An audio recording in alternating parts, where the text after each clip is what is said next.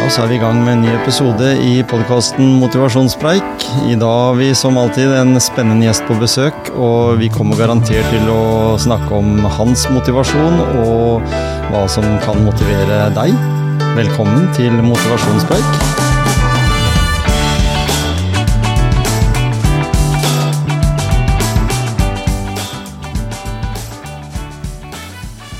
Fotballspiller til en annen, da. Eh, Eller jeg setter meg vel sjøl kanskje fortsatt i den kategorien, fordi fotball har jo jeg spilt på heller lavere divisjoner. Jeg er kanskje en av Norges dårligste keepere. Men i dag så har jeg jo da fått eh, muligheten til å prate med Sondre Rossbakk. Mangeårig keeper i Odd, og kanskje en av de som har lengst karriere, tross eh, hans unge alder på 27. Ja, stemmer. Velkommen til motivasjonspreik. Tusen takk for det.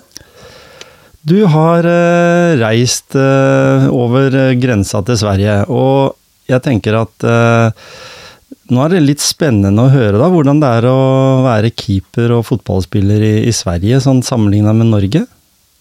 Ja, det er jo, som du sier, det er noe nytt som jeg ikke har prøvd før.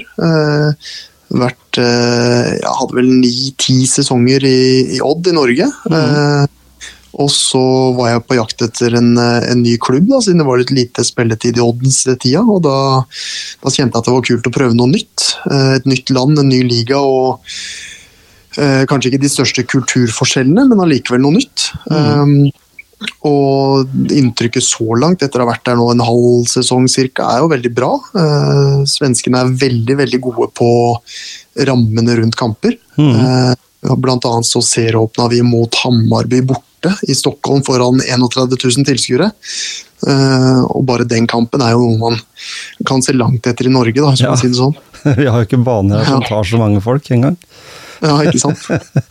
Men hvis vi spoler tida tilbake, hvis vi spoler tilbake til når eh, Sondre var eh, liten gutt.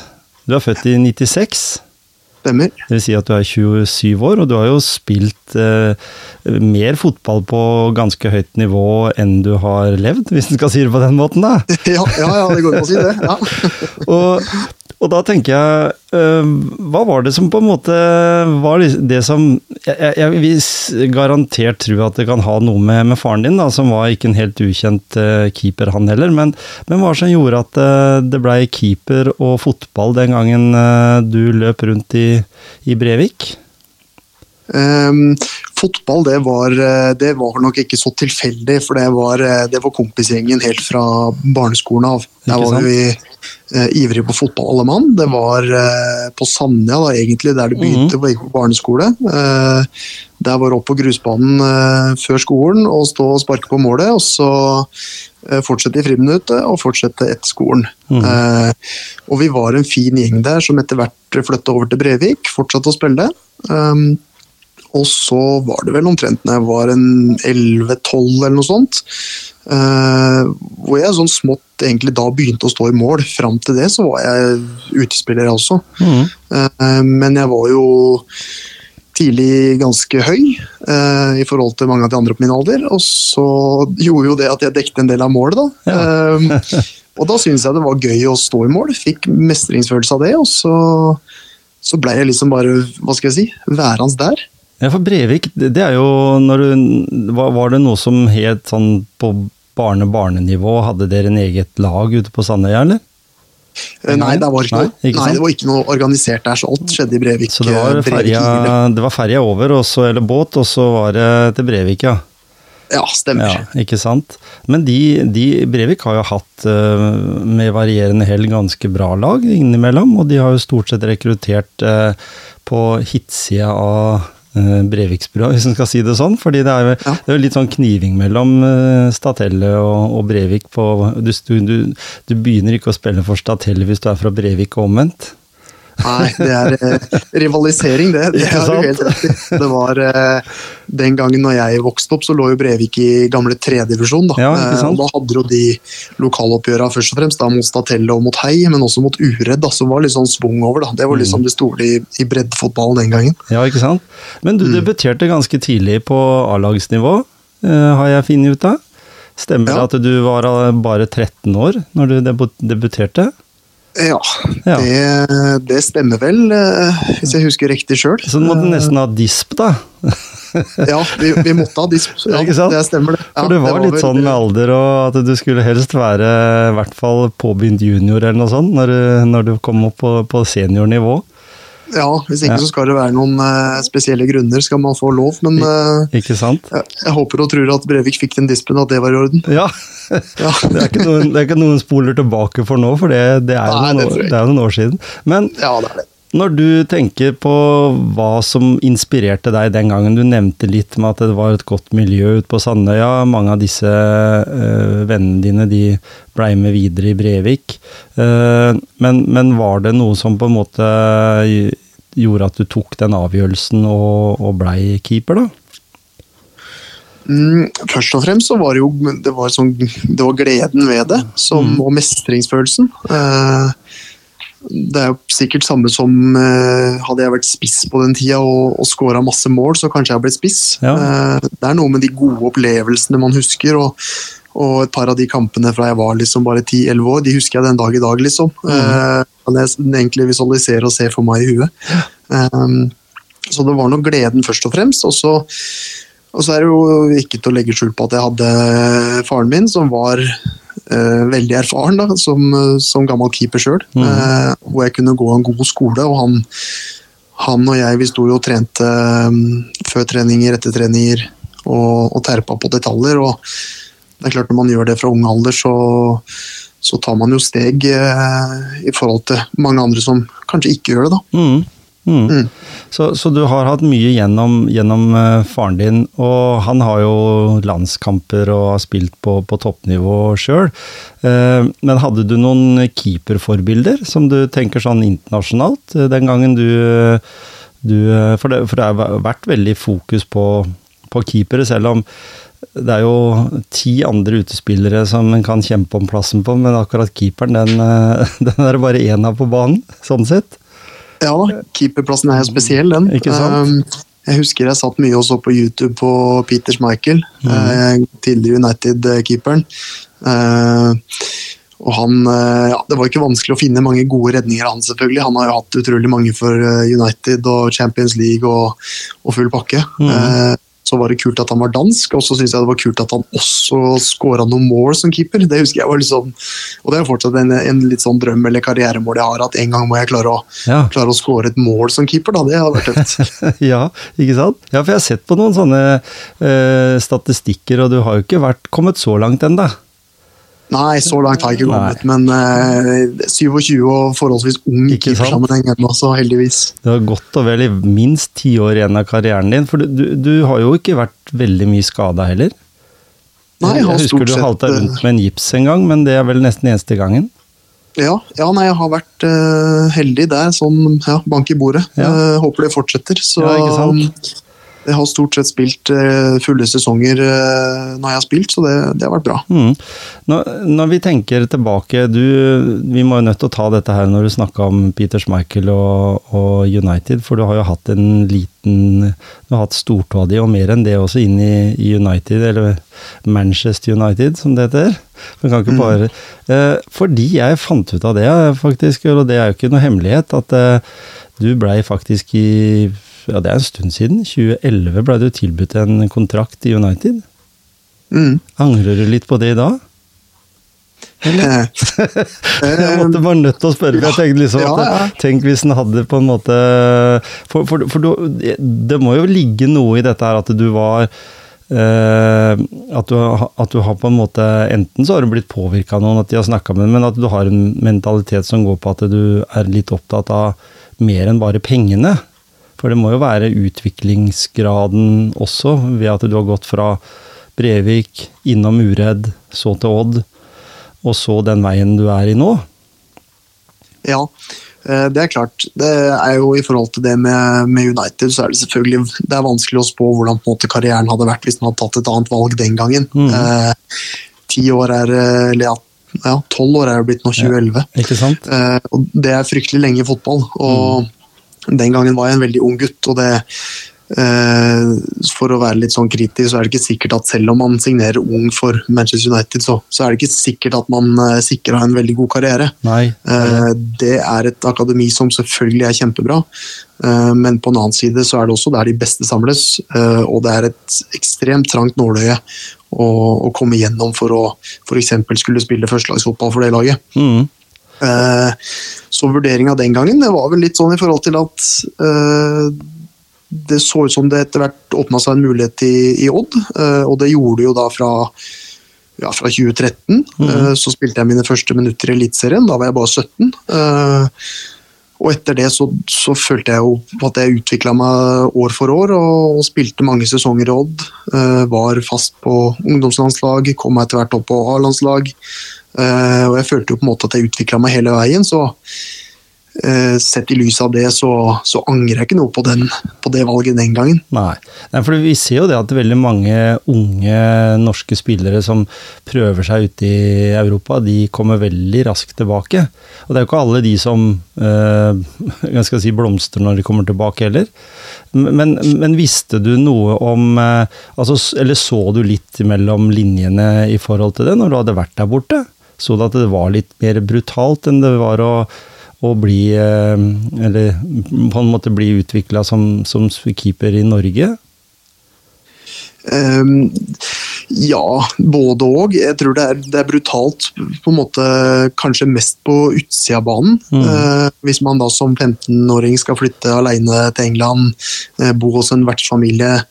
Alt Man måtte egentlig droppe skolegangen også, og alt handler egentlig om å ja, Du blir jo på en måte fotballproff eh, fra du er 15 og bare må tenke fotball hele døgnet. Eh, og det er nok ikke så lett for mange, kontra det å, å kanskje være i en norsk klubb, eh, ha litt trygge rammer, ha tillit, kanskje være en av de større talentene på laget ikke sant? Som, som får god oppfølging. Så det er jo plusser og minuser med alt. Eh, og jeg er veldig takknemlig for at jeg den gangen også hadde gode rådgivere rundt meg som jeg kunne prate med for å på en måte finne ut av hva som var det beste valget for min del. Da. Uh, for det er klart det er, det er veldig lett å bli blenda av sånne store klubber.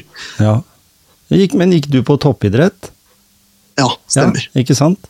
Så du hadde jo tidligere fotballspillere, og du, som du nevnte, du, det var vel på den tida der eh, da eh, senior var, eh, var han og keepertrener i Odda? Var det Ja, Ja, stemmer. sant?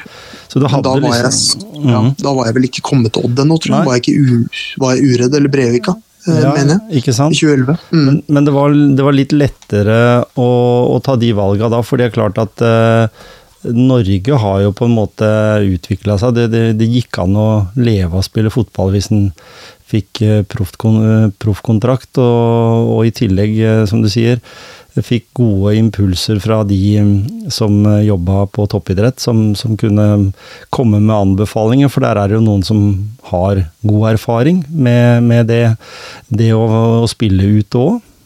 Det hjelper Ja. det. Det er klart det hjelper. Og på toppidrett så, så fikk man kjempegod oppfølging, så all ære til de. Det er, eh, der er det både dyktige trenere, men også veldig dyktige lærere som på en måte ser hele, hele mennesket. Da. Ikke, Ikke bare fotballspilleren eller eleven, men kombinasjonen. Mm. Så, så det å gå gjennom da utdanningsløp Det er, det er jo sånn i, i Norge da at det, det viktigste på, for mange, da, for en har, kan jo plutselig ha en kort fotballkarriere, så er det jo viktig å også ha med seg utdanning på veien. Eh, hvor lang utdanning har du? Du har den toppidrett, eh, men, men du er jo ikke noe sånn helt ute på bærtur når det gjelder å ja, investere penger riktig og sånn, har jeg funnet ut av. Og litt, det har vært sånn, så du har jo liksom eh, kanskje laga et lite pensjonsfond, kaller jeg det da. Tenker du Ja. sånn?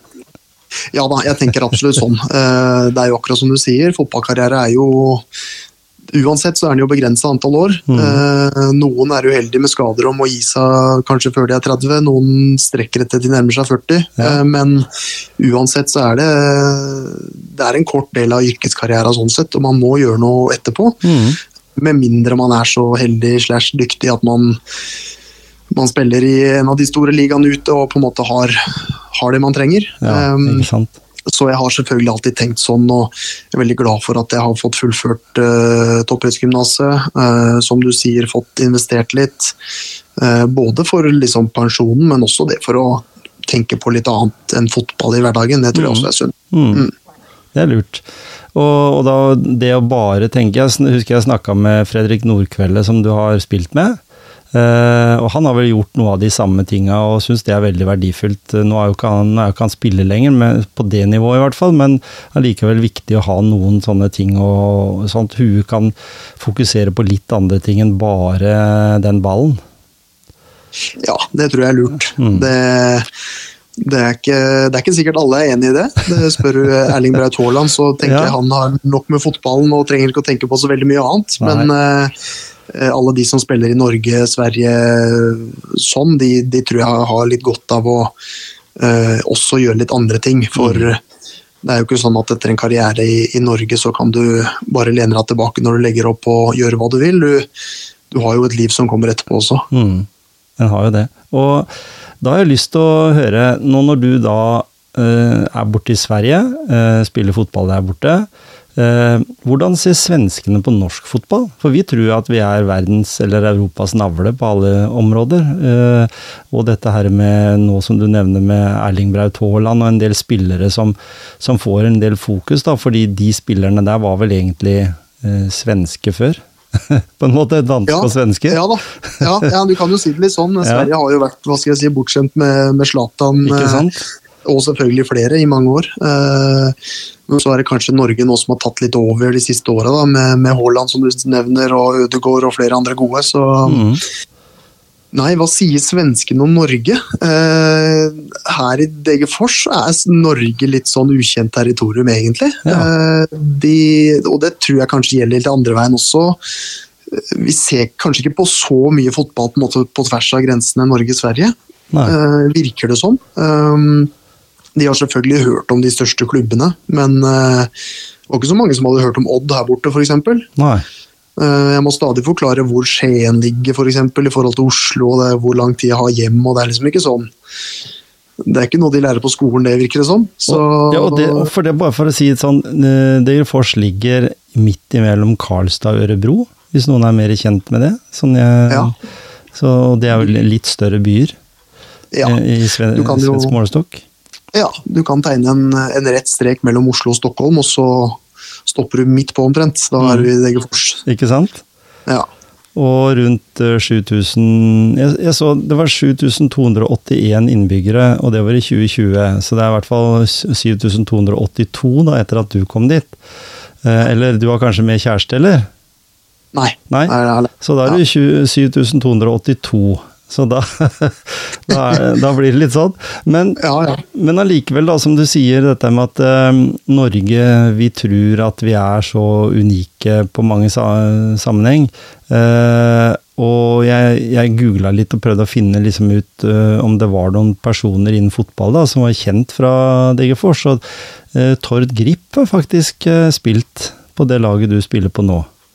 Ja. Og Tord Grip han er ikke sikkert sånn en du kjenner til, men han har hvert fall faktisk vært landslagstrener i Norge. Mm. Og han har vært landslagstrener i England og flere andre land, da, og trena noen italienske klubber og sånn. Så, så, han er ikke helt Han er en gammel mann nå, men han er ikke helt sånn uh, ukjent uh, der borte som du holder til nå, da. Og sikkert, nei han er ikke det. Nei, sikkert noen andre profiler også. Ja da, de har jo eh, Svennis. Sven-Gøran Eriksson ja, eh, tidligere. Han også er jo fra Degerfors. Så det er jo Det har grodd litt eh, talent på spiller- og trenersida her også. Mm, det er det. Når, når en tenker på DG Degerfors, da. Du, det er en eh, det er jo en by som er bygd opp er rundt jernverk der borte. Så litt sånn, litt sånn som Ulefoss, bare at det er ikke noen by. Bare litt sånn som har bygd seg opp på industri. Ja, men det er, det er ganske sånn? Ja, det kan minne litt om Ulefoss, ja, som du sier. Ja. Uh, industri, sterkt uh, stor uh, hjørnesteinsbedrift, arbeidsplass for veldig mange. og så har samlingspunktet utafor arbeidstid vært fotballen, og mm. det merker man veldig at fotballen, spesielt for kanskje den litt eldre generasjonen her borte, den står utrolig sterkt. Um, her er alle lidenskapelig opptatt av fotball. Du ser eh, 90 år gamle damer gå med rullator og Degerforsdrakt. Så Ja. her er de opptatt av fotball. Ja, ikke sant? Så, og klubben den er fra tidlig 1900-tallet, var 1904 eller noe sånt? Så den er Ja. jo ikke så gammel som Odd, men den er i hvert fall ganske gammel allikevel. Det er liksom fra den tida før eh, i hvert fall eh, seriespillet blei ordentlig her i Norge, da. Og, og sikkert i Sverige også. Så de har eh, sikkert bygd opp mye av den fotball... eh, den rundt jernverket, sikkert. Med at det begynte litt sånn. Med noen aktive, litt mer aktive enn akkurat bedriftsfotball, og så var det i gang.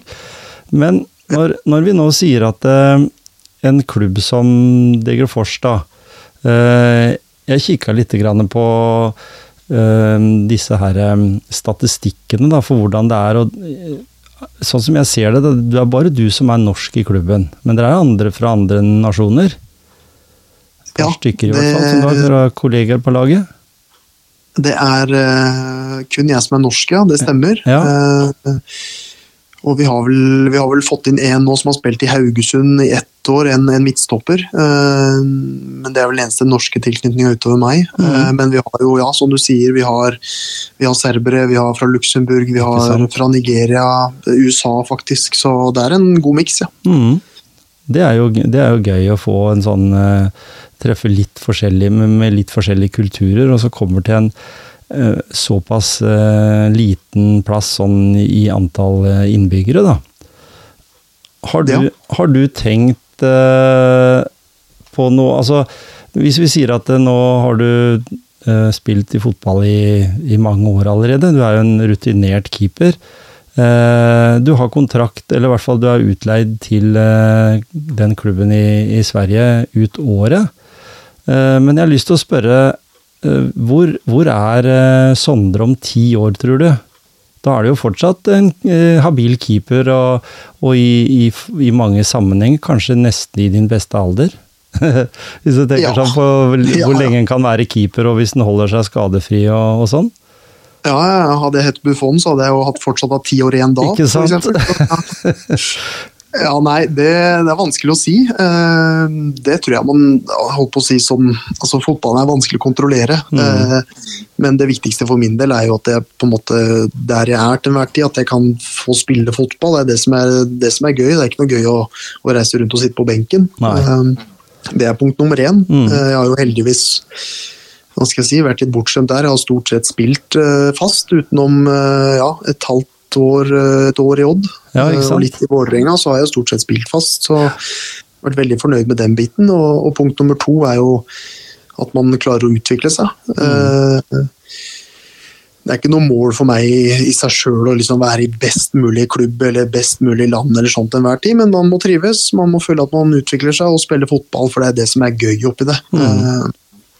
så, så det er på en måte fokuset mitt. og og den dagen det ikke er gøy lenger, da, da er det på tide å finne på noe annet, tror jeg. Ja, ja ikke sant. Og, og det med motivasjonen, da, siden det er motivasjonspreik og sånt nå. eh, Jeg skjønner jo da at det som motiverer deg, det er jo den kampen om å, å spille fast, eller altså få eh, kamper. Fordi eh, vi vet jo det at veldig mange sitter med feite lønninger i, borti England og, og ikke får spille. Eh, og, og allikevel liksom tjener bra med penger, så, så er det mange, som du sier, uh, mange elementer uh, her, da. Altså du Jeg tenker at på et lag så, så er det jo mange kamp... Altså det er jo mange som kjemper om plasser. Altså du har mange bekker og forsvarsspiller og midtbaneangrep. Men det er som regel to keepere som du hører mest om. Det er enten deg, da, eller den som sitter på benken. Ja. Og da, da, da skjønner jeg jo hvor det For det er, jo, det er jo ikke så ofte man bytter keeper i løpet av en kamp. Så det du vet at hvis du eh, jeg, jeg, jeg, tenk, jeg husker det så godt at eh, du blei vel ofra litt når eh, Jan Frode Nordnes hadde levert en ganske mange litt dårlige kamper for Odd, eh, som trener, da. Eh, Så er det jo sånn at hvis et lag slipper inn mål, eh, så er det litt lettere å ta keeperen for det enn hvis du ikke tar spissen fordi han ikke scorer mål. Er det ikke litt sånn? Jo, det, det er sånn. Uh, og selv om jeg altså, det, sånn, sånn, er fotballen, på en måte. Og, og de vurderingene som ble gjort den gangen, ble, ble gjort. Og, men det er som du sier, keeperen står litt sånn med dritten til slutt, da, for å ja. bruke det uttrykket. Det er han som må plukke ballen ut av nettet til slutt. Så mm. selv om ballen har passert eh, ti utespillere først, så er det keeperen som står bak der. Da, og mm. det må man ta litt konsekvensen av. Eh, er det dårlige resultater over tid og mange innslupne mål, så så nytter det ikke å gjemme seg, dessverre, som keeper. Nei. Eh, da må du bare stå i det, og så, og så kjemper deg ut av det. Mm, nemlig. Og det, det, kan jo virke litt som at det, det blir sånn da, at noen må, nå må vi gjøre noen forandringer før, før en på en måte får kniven på strupen som trener. Så, så kan det ofte være mm, lettest å gjøre de forandringene, og så skårer ikke keeperen mål, så Nei, spilleren ute mål. Så, så må han gjøre noe der, men det gjør han helt til slutt, liksom. Og jeg, jeg har lyst til å spørre hva Du følger jo Eller du er jo fortsatt Odde-spiller, egentlig? Ja. ja. Eh, du følger med på hvordan Odd gjør det? Hvordan de spiller og sånn? Ja da, jeg, eh, jeg, kikker på alle kampene. Ikke sant? For, forutsatt at vi ikke spiller samtidig. Ja, eh, mm. og det som er diskusjonen her hjemme, da, det er liksom litt det der at eh, Odd hadde vært ganske bra på tabellen de hvis de bare hadde skåra Sånn som jeg husker Drillo sa en gang. Han sa at det, det viktigste med en fotballkamp det er å skåre ett mål mer enn motstanderen. Ja. Det kan jo være så banalt enkelt. Ja, ikke sant? Så enkelt. Og selv om kamp, og han fikk jo mye kritikk for at eh, kampene var kjedelige, men det var ikke derfor han uh, var landslagstrener og, klubbtrener. Det var for å vinne kamper, da. Og få tre, og få tre poeng. Uh, mm. og, og, da syns jeg, jeg det er litt interessant, uh, som deg som keeper som står bak der, da, og så ser hvordan laget fungerer. Uh, er det på en måte noen svakheter du ser som Odd kunne vært bedre på i nå, eller er det bare det at det andre lag har blitt bitte lite grann bedre? Um, tja, det er ikke så lett å peke på noe konkret. Uh, det som har vært veldig positivt med Odd i år, er at de har vært veldig gjerrig bakover. Ja. Uh, og det gleder jo selvfølgelig en, en keeper. Mm -hmm. De har sluppet inn lite mål, de har holdt null mange ganger. Ja. Så den biten er de gode på. Mm.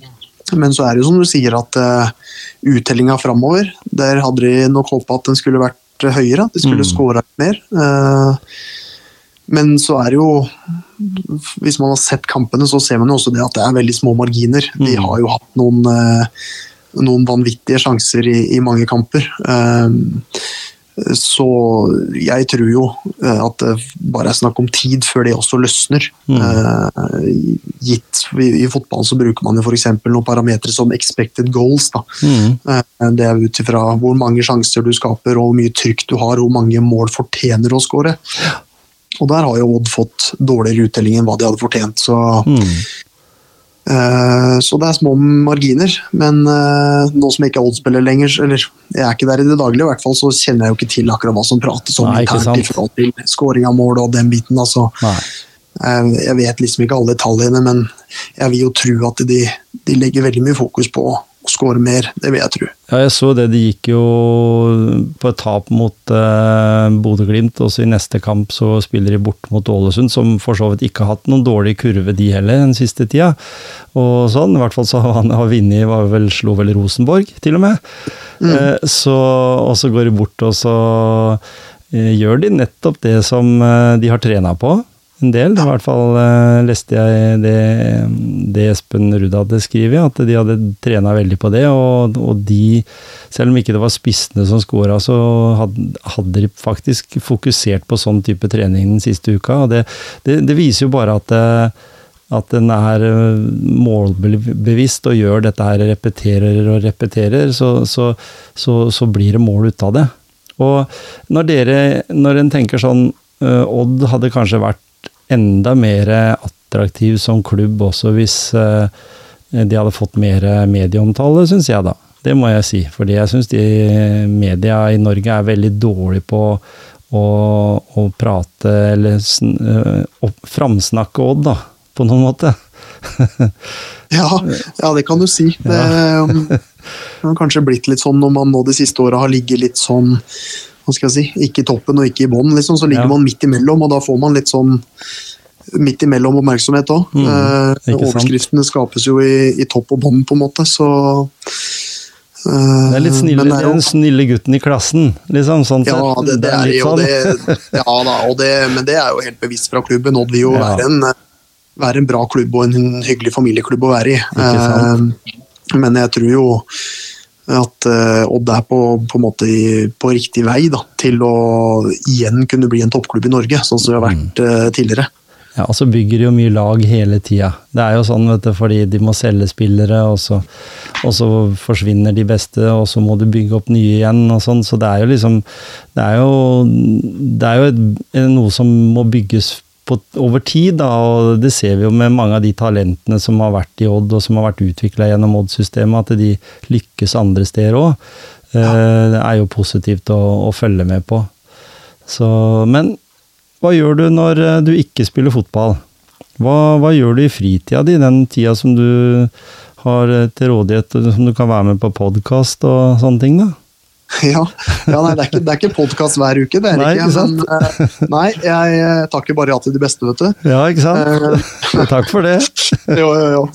Uh, nei, du, det blir her blir jo selvfølgelig en del fritid, og det er ikke den aller største byen, så vi er en, en gjeng som drar og spiller litt uh, frisbeegolf. Uh, det er litt turer i skog og mark, veldig fint uh, turterreng her. Uh, vi drar ut etter trening og spiser litt lunsjer sammen. Vi har ikke den sånne lunsjavtaler og sånn, sånn som vi har i, hadde i Odd, uh, hvor vi spiser og gjør alt på treningsanlegget. Uh, her må vi ordne oss litt mer sjøl, så Mm. da reiser vi ut en gjeng og, og spiser litt og, og hygger oss. Så ja, dagene går. eh, men, men akkurat fotballivet blir jo på en måte Det blir jo forholdsvis likt uansett om man er i Degerfors eller Odd eller Vålerenga eller Mm. ja, Mm. der jeg har vært. Det, eh, det er stort sett det samme, samme oppbygginga av hverdagen. Ja, for, for du sa det her eh, tidligere, at eh, over halvparten av de som bor i altså byen, eh, er på kampene. Eller det er vel litt sånn Degerfors er vel litt en kommune da, blir vel det? Blir ikke sånn som Skien kommune, liksom, som har 55 000, og så har det 7281? Eh, blir det litt sånn, da? Jo. Jo, det blir litt sånn. Ja. og Det jo har på en måte, Degerfors er jo da byen der hvor klubben ligger, og så har du Karlskoga som har en 25 000 innbyggere. som ja, Avstand mellom Porsgrunn og Skien ca. Sånn, Mm. sånn er også Degerfors og Karlskoga. Uh, og så har du Ørebro da, som er 45 minutter unna. Eh, det er en storby, uh, men de har jo inntil videre hatt Ørebro fotball i, i Allsvenskan de også, men de rykka ned da i ja, 2021 var det vel. Mm. Eh, så der er det jo også sånn litt sånn rivalisering mellom de to klubba, da. Eh, så det, det er fotballinteresse både i Degerfors og Ørebro og hele veien rundt. Er det, men er det hockey og sånn der? For det er jo veldig mange byer eller sånn i, i Sverige som også har hockey som en stor, eh, eh, som en stor idrett. Ja, eh, du har Karlskoga BIK, som de kaller det. Ja. Eh, det er også et stort hockeylag. Jeg er ikke så oppdatert på hockeyen. Jeg har liksom aldri ja, det har ikke, vært så stort i Skien og Porsgrunn, så jeg har ikke helt blitt bitt av den basillen. Men eh, det er noen på laget her som reiser eh, fast på hockeykamper når det passer seg. Ja, ikke sant? For det er noe svenskene har fått, fått til som vi ikke helt har fått til i Norge på samme måten. Og når vi var inne på det her i stad, det her med, med nordmenn som har på en måte greid å få det til i, i Sverige, da, så, så er det jo faktisk, eh, tenker jeg på Høgmo som, som en av de eh, trenerne som har gjort det bra. Har du, du har jo vært på noen landslag, og har du hatt eh, Høgmo som trener noen gang, du, eller? I noen Eh, av de? nei, Det er, nei, det har jeg aldri. Nei. Han virker som en uh, god trener. Han funka jo i Norge også, for så vidt, men, uh, men eh, det virker kanskje som om norske trenere har som vane, hvis du tenker på sånn som eh, Åge Hareide også, eh, har fått det til i, i Sverige. Ja, det har Mm. vært eh, flere eksempler på det, og nå tok jo Henning Berg over AIK, vel, så det, Mm. det er jo litt, eh, litt norske innslag i Allsvenskan både på spiller- og trenersida, så det er jo det er hyggelig, det. Eh, og det er hyggelig som, eh, som norsk spiller òg, å slå av litt prate med de, de nordmennene som jeg møter. Mm. Eh, det har jo blitt en del av det. Jeg kjenner jo Oliver Berg eh, godt, f.eks., Ja. som spiller i Djurgården. Eh, Mhm. Colin Røsler som spiller i Mjelby. Um, så det er selvfølgelig alltid hyggelig å, å møte noen norske, norske, kompiser. Ja, for det litt, blir vel litt sånn kanskje når du, når du møter de laga, da. Når du spiller eh, på det høyeste nivået der, så møter du om andre spillere som du har møtt eller spilt med før, ja. Ja. Mm. Det, er jo, det er noen av de i hvert fall. Ikke, ja. ikke voldsomt mange, men det er noen av de. Alltid hyggelig. Ja, og det er lettere å komme gjennom som en god norsk spiller i, i Sverige, og, og, litt kanskje med litt de samme fokuset som du har, da, med at du kom på matcher som, som har uh, over det dobbelte og tredobbelt uh, enn det du er vant til i Norge, da. Det... Ja da, det er, jo, det er, jo, et paradoks på en måte at uh, Degerfors med 7000 innbyggere skal ha ja, flere tilskuere enn Odd uh, ofte har på hjemmekampene ja, sine. Da. Det er jo litt sånn paradoksalt, egentlig, mm. i forhold til størrelsen på byen, men uh, det sier jo noe om interessen. Ja, ikke sant? Uh, så er selvfølgelig Sverige et dobbelt så stort land innbyggermessig, og sånn, men allikevel, her har liksom alle alle har sitt lag, mm. og alle er opptatt av fotball. Ja. Ja, er, er, du, mer, er, du, litt mer sånn tro til laget ditt der borte i Sverige? Altså sånn at eh, du, du heier på det, liksom. Du, du, heier ikke på Sånn som her, da. Bor, bor du i Skien, så skal du liksom heie på Du skal ikke heie på Rosenborg. Eller Bodø-Glimt? Eh, ja, ja, nei, det er vel litt eh, Men sånn tror jeg det er her òg. Er du fra Degerfors, så heier du på Degerfors. og mm så har du selvfølgelig litt, mer, eh, litt, flere muligheter i Stockholm med de klubba der, og Gøteborg har noen store lag, men mm. Uh, hver sin by, hvert sitt lag tror jeg gjelder her også. Mm. Uh, men her uh, det støttes i tykt og tynt, og det er stort sett fullt på, på kamper på alle de store lagene, så stemninga er vanvittig på noen av kampene, altså, det må jeg si. Mm. Jeg regner med det at dere trener både én og to ganger hver dag? Er det sånn? Mm. Ja. ja. Uh, Hvilken dager i uka er det du, du er det sånn i etterkant av kamper og sånt, og er det som her liksom at du har litt rolig trening da, når, når en, en har hatt match? Dere spiller kamper på i helgene dere òg? Ja, det er stort sett lørdag eller søndag. Eh, da har vi som regel fri dagen etter. Mm. Um, Sverige er jo, eller det er vel kanskje særingen for Degerfors, men vi ligger jo midt inne i landet. Ja. i hva skal jeg si, Så det er jo like langt eh, og veldig langt til alle steder. Eh, så vi har jo noen veldig seige busser, og jeg skal ikke legge skjul på det. Vi har jo Malmö seks timer, Kalmar seks timer, Stockholm fire timer. Så det er liksom mm. Det blir noen, noen, timer i buss, og når man da kommer hjem seint etter kamp, så er det greit å ta en, en rolig dag etterpå. Mm. Ja. Og dere har jo sånn plasseringsmessig, har jeg fått med meg, så er dere jo ikke på den øvre halvdelen. Selv om det er ganske jevnt sånn poengmessig. Eh, føler du det som en ekstra motivasjon, at du må yte enda Altså 110% hvis det er lov å si. Fordi eh, det var jo Var ikke i fjor, så greide du å Redda dere jo opp si plassen. Uh, og, og ligger jo, en, dere ligger omtrent i samme, om, samme plassering i år. Uh, ja. Hvordan tenker du på det? Altså sånn, uh, det er jo små marginer fra å bikke litt for langt ned til det å, å komme over streken, for å si det på den måten. da. Ja, det er det. Det er små marginer, som du sier. Degerfors mm. har jo nå, nå er jo tredje år i Allsvenskan. og ja, har vel nesten ligget på den eh, samme plassen i tre år på rad nå. Mm. Det, er, eh, det, er, en kamp for å overleve, selvfølgelig. De har klart det uten å måtte ut i noe kvalikspill de to foregående åra. Mm.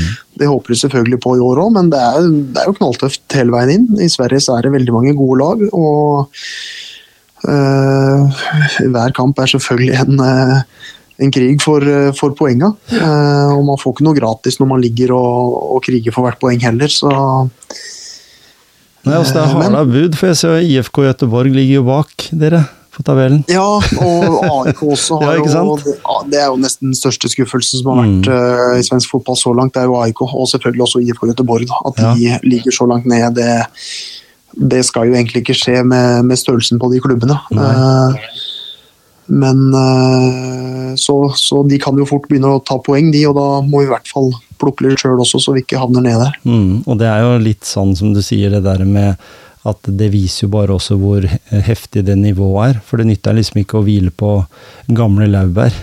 Fordi selv om det har vært eh, storklubber og, og spilt og levert veldig bra resultater både i Champions League og i annet, så, så, så er det viktig å ha full skjerpings. Når, ja, det er Og i Sverige så er det kanskje enda tøffere hva skal jeg si, rundt de øverste posisjonene enn det det er i, i Norge. Mm. Uh, de siste åra i Norge så har det stort sett vært uh, Rosenborg og, og, Glimt som har mm. Nei, beklager, Molde og Glimt som har kjempa om de uh, øverste plassene. Og så har det vært litt sånn vilkårlig hvem som har kommet bak der. Mens i Sverige så er det jo du har Malmö, du har Hekken, du har Djurgården, du har Hammarby, du har Kalmar. Du har liksom mange store lag som forventes at alltid skal være ja, egentlig vinne. Mm. Elfsborg må nevnes der. så... Ja. Ikke sant? Eh, så enda større kniving, i hvert fall i toppen i Sverige, vil jeg si. Mm. Når, eh, jeg pleier alltid å spørre sånn på slutten. Når når du skal lade, hvis du tenker sånn Er, er, du, en sånn, er du en person som øh, trenger korttidslading bare, eller er det greit med litt langtidslading også, sånn for deg? Du, og da, da tenker jeg på eh, i, den, i det øyeblikket du gjør et eller annet annet, eh, er du, driver med noe som ikke er typisk fotball, eller hva er det? Da må du fortelle litt. sånn, tenker du det i, i sesong eller i ferier? Nei, jeg tenker sånn, eh, ja hva, hva, er det du på en måte Jeg vil tro at det, Du nevnte jo her i stad er ganske hektisk uh, tilværelse. Det er trening hver dag, det er kamper i helgene. Uh, og så er det kanskje, akkurat som i Norge når det er landskamper og sånn, så blir det noen litt spillefri.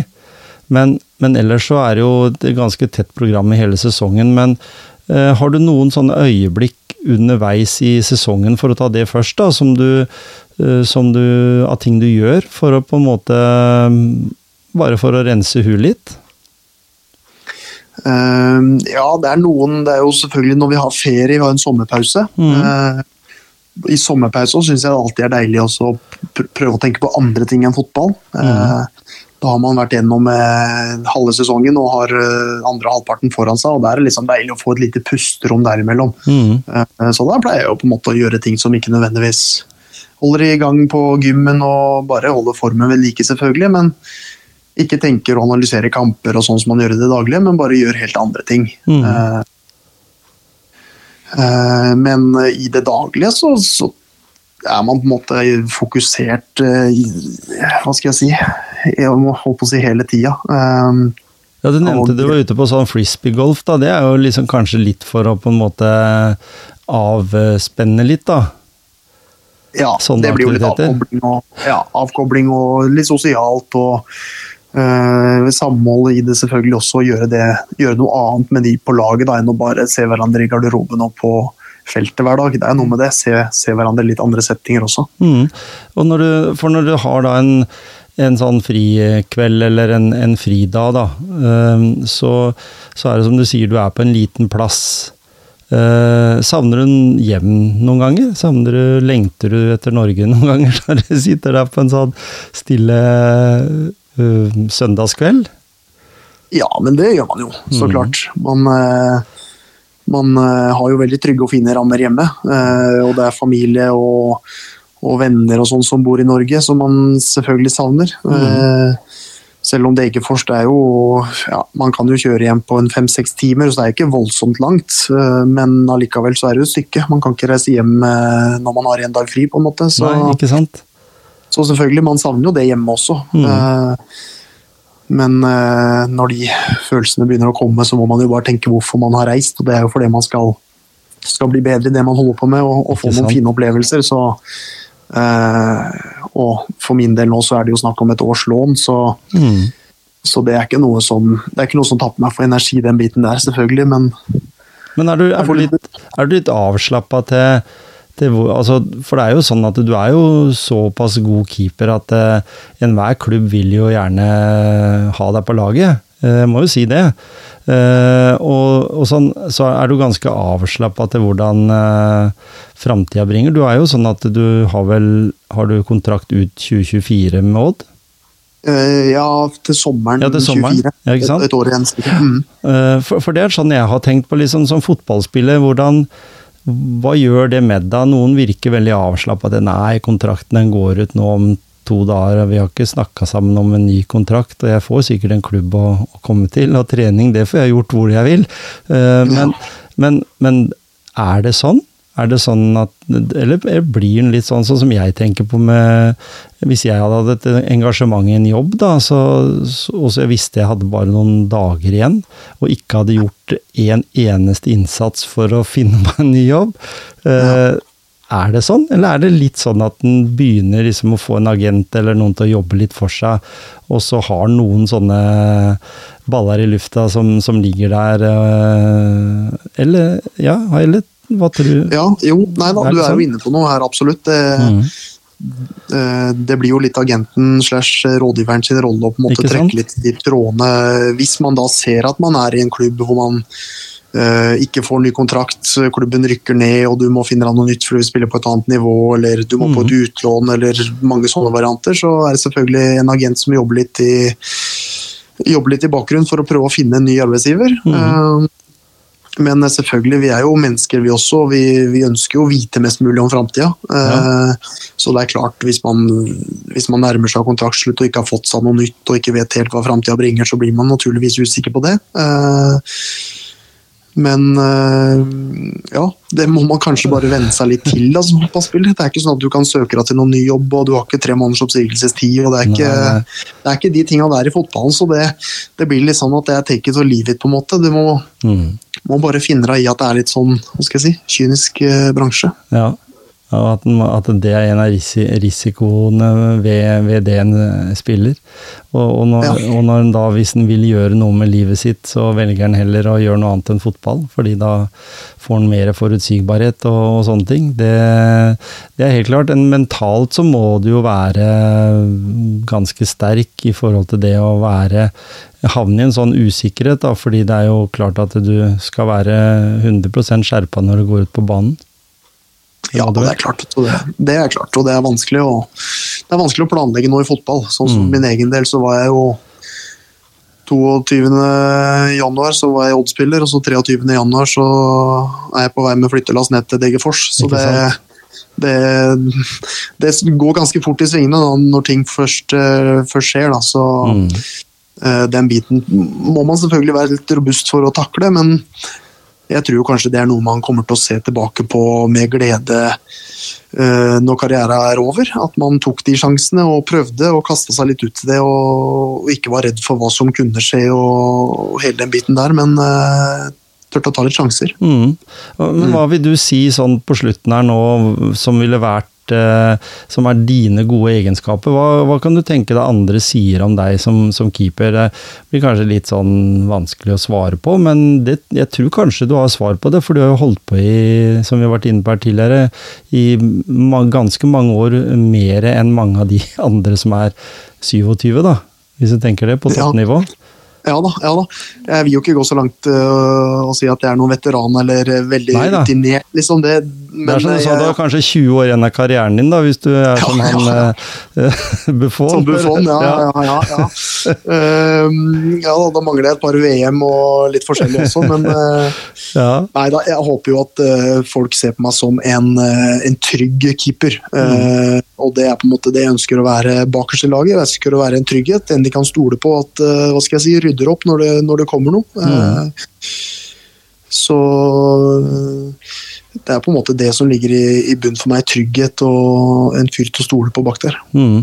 Når, når, vi da, Hvis vi skal ta det over på kanskje noen av lytterne våre, da, hvis det er noen yngre lyttere som har ambisjoner som, som keeper, da, eh, vil du si at det, eh, det også, i tillegg til antageligvis et enormt treningsarbeid, eh, men vil du si at eh, det er viktig å, å være en keeper som skaper trygghet bak? Ikke en sånn brusk robelar, for å si det sånn, da? Nei, nei da, men det, det er selvfølgelig det er mange måter å være, være keeper på. Mm. Eh, men til syvende og sist så handler det jo mest om det å, å slippe inn uh, lite mål. Mm. Og noen gjør det med å gjøre noen fantastiske redninger, andre gjør det i, i, kommunikasjonen ved å avverge situasjoner før de oppstår. Mm. men uansett så er det en fordel som keeper å være trygg og og en som både treneren og medspillerne stoler på. Eh, det tror jeg er en veldig veldig viktig egenskap å ta med seg egentlig helt fra, fra ung alder. Mm. Eh, ja. Og den kombinasjonen med utdanning, vil du anbefale det?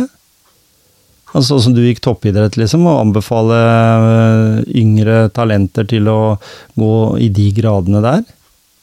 Ja, det vil jeg absolutt. Mm. Det tror jeg er lurt. Som vi snakka om innledningsvis, så er fotballkarriera kort uansett, og den ja. kan stoppe veldig fort. Så det å ha noe, noe i bånn der, og som man kan falle litt tilbake på og bygge på mm. uh, seinere, det, det, er ekstremt lurt. Og det tror jeg alle de som, uh, som har gjort uh, er veldig glad for den dag i dag. Mm. For å si det, da. Hvilken spillere eller spillere er det du på en måte har vært den beste spilleren du har spilt med? Det er lov å si det, for du har spilt med mange gode. Ja. uh, nei, det er klart det at uh, Jeg vil jo si at Martin Ødegaard, uh, når han var med på U21-landslaget der mm. Han kom tidlig inn, han var vel 17, jeg er to år eldre enn han. Og nå da han hadde signert for Real Madrid og mm. var, hadde gått fra herje Eliteserien til å bli solgt til Real Madrid ja. Uh, Det nivået han hadde den gangen i mm. forhold til oss andre på U21, og selvfølgelig fortsatt nå som kaptein i Arsenal, kjempegod spiller. Ja. men det er vel kanskje noe av det råeste jeg har spilt med. Mm. For du merker ja. det, selv om du er keeperen bak der, så merker du at der har du en spiller som har noe ekstraordinært. Ja, det, mm. det gjør jeg. og vi på samlinger så var vi ofte tre keepere i, i, troppen. og da var ofte den, eh, den siste med som utespiller for uh, å fylle opp laga, så vi kunne spille på stor bane og sånn. og ble du plassert uh, i Forsvaret da og møtte Martin Ødegaard, så, så ble du trilla rundt med, for å si det sånn. Så da fikk man kjenne litt på det nivået. Så du tenker på det nå, liksom. Det er, ikke, det er jo stas det å ha spilt med en så god spiller, og det motiverer jo òg, vil jeg tro. Det er en ekstra motivasjon for, for, for, for, dere som spiller fotball, å se at det er mulig å lykkes også i, i de store klubba der ute. da. Å, bli, å, bli, en sånn eh, Nå er jo både mm, City og Arsenal er jo liksom sånne anerkjente av de større klubbene i hele Europa, eh, egentlig. Så, så, jeg vil jo tro det, det, er stort. Jeg husker jeg spilte en eh, treningskamp oppe på Gulset, og det, da snakker vi om at jeg var 50, altså, det året. Og da, da var det en på det laget mitt som var sentralt midtbanen, som heter Joshua Kitalano der oppe. Og han uh, har jo også blitt en god spiller, så jeg merka jo det allerede på han da, at det, det, var noe mer med han som Da var han vel bare 15, tror jeg. Så, så du, du, merker noe sånn som du, du, husker det så godt, fordi du, du vet at han uh, ja, jeg har spilt med Tobias Lauritz nå, og han også var jo skåringskåt, hvis en skal si det på den måten. Ja, Allerede ja, han var ganske ja. ung, så du, du merker absolutt. at du har det der lille ekstra. Det der, absolutt den der lille ekstra effekten der som, som gjør at du, du, ser at her kan du bli en god eh, spiller. Ja. ja, det skal man absolutt ikke undervurdere, den effekten av eh, hva skal jeg si, ledestjerne eller referansepunkt, eller hva man skal kalle det. Noen som Eh, noen som har vært der og kjent på internasjonalt nivå. Eh, det er jo internasjonalt både det selvfølgelig Haaland og Ødegaard gjør, men også det Tobias og Joshua gjør. Det er, ja. Eh, det er høyt nivå å være på øvre halvdel i Nederland. Mm. Og det, det, er en veldig mye større prestasjon enn det mange tenker. Ja. Vi tenker sånn at i, i Norge så er Norge, norske ligaen er ikke så mye bak den nederlandske ligaen, men hvis man begynner å se på mange av de lagene i Nederland og hvilke spillere som er på de laga der, mm. så, så, skjønner man at det de gutta i, i Sparta Rotterdam holder på med, det er, eh, det er bra, altså. Ja. Og så sånn, I og med at dette her er ganske ferskt, da, så så jeg vel at eh, United hadde signert en tidligere Ajax-keeper i, i, dag, vel? Var det sånn? Ja. En mm. uh, halv milliard kroner? ja, det er, småpenger for de. Penger i, ja, småpenger for de. Store penger i, store penger i internasjonal fotball, det er det. Ikke sant. Mm. Veldig bra, Sondre. Tusen hjertelig takk for at du ville være med i Motivasjonspreik. Det var veldig gøy å ha denne fotballpraten med deg. Det, det, er alltid sånn når jeg har hatt med meg spillere, så har jeg hatt eh, noen som er litt på hell i karrieren, og så har jeg hatt med noen som har slutta som spillere. Det er veldig artig å ha med en som, som er midt oppi det, og som er halv, eh, kanskje midtveis i karrieren sin, eller ikke fullt det. Lykke til eh, i Degerfors, eh, IF. Neste kamp dere skal spille, det er mot nå har vi Nordkjøping eh, på søndag. Ja. Da skal jeg møte min gode kompis Niklas Gunnarsson, som spiller der. Ikke sant? Det, det blir hyggelig. Det blir stas. Jeg ser han har fått spilletid, så det er veldig bra. Han, Det er bra. han er jo kanskje den yngste, han også, for så vidt. Men kanskje en som har vært i mm, flere klubber enn deg. Ja, han, eh, Du får invitere han om du ikke allerede har gjort det. Han har vært med. Han har vært med. han har Ja vært med. Ja, så bra. Ja. Så, så sånn har det vært. Veldig bra at du hadde lyst til å være med. Eh, Lykke til der borte. Så heier vi alle som eh, lytter på Motivasjonspreik, og alle andre også på, på deg der borte, og at dere skal greie dere over den eh, magiske streken, sånn at det går an for dere også å bygge lag. Og så får vi se hvor eh, Sondre er en, eh, når neste sesong begynner. Ja. Nei, men Tusen takk for det, og takk for en veldig hyggelig, hyggelig prat.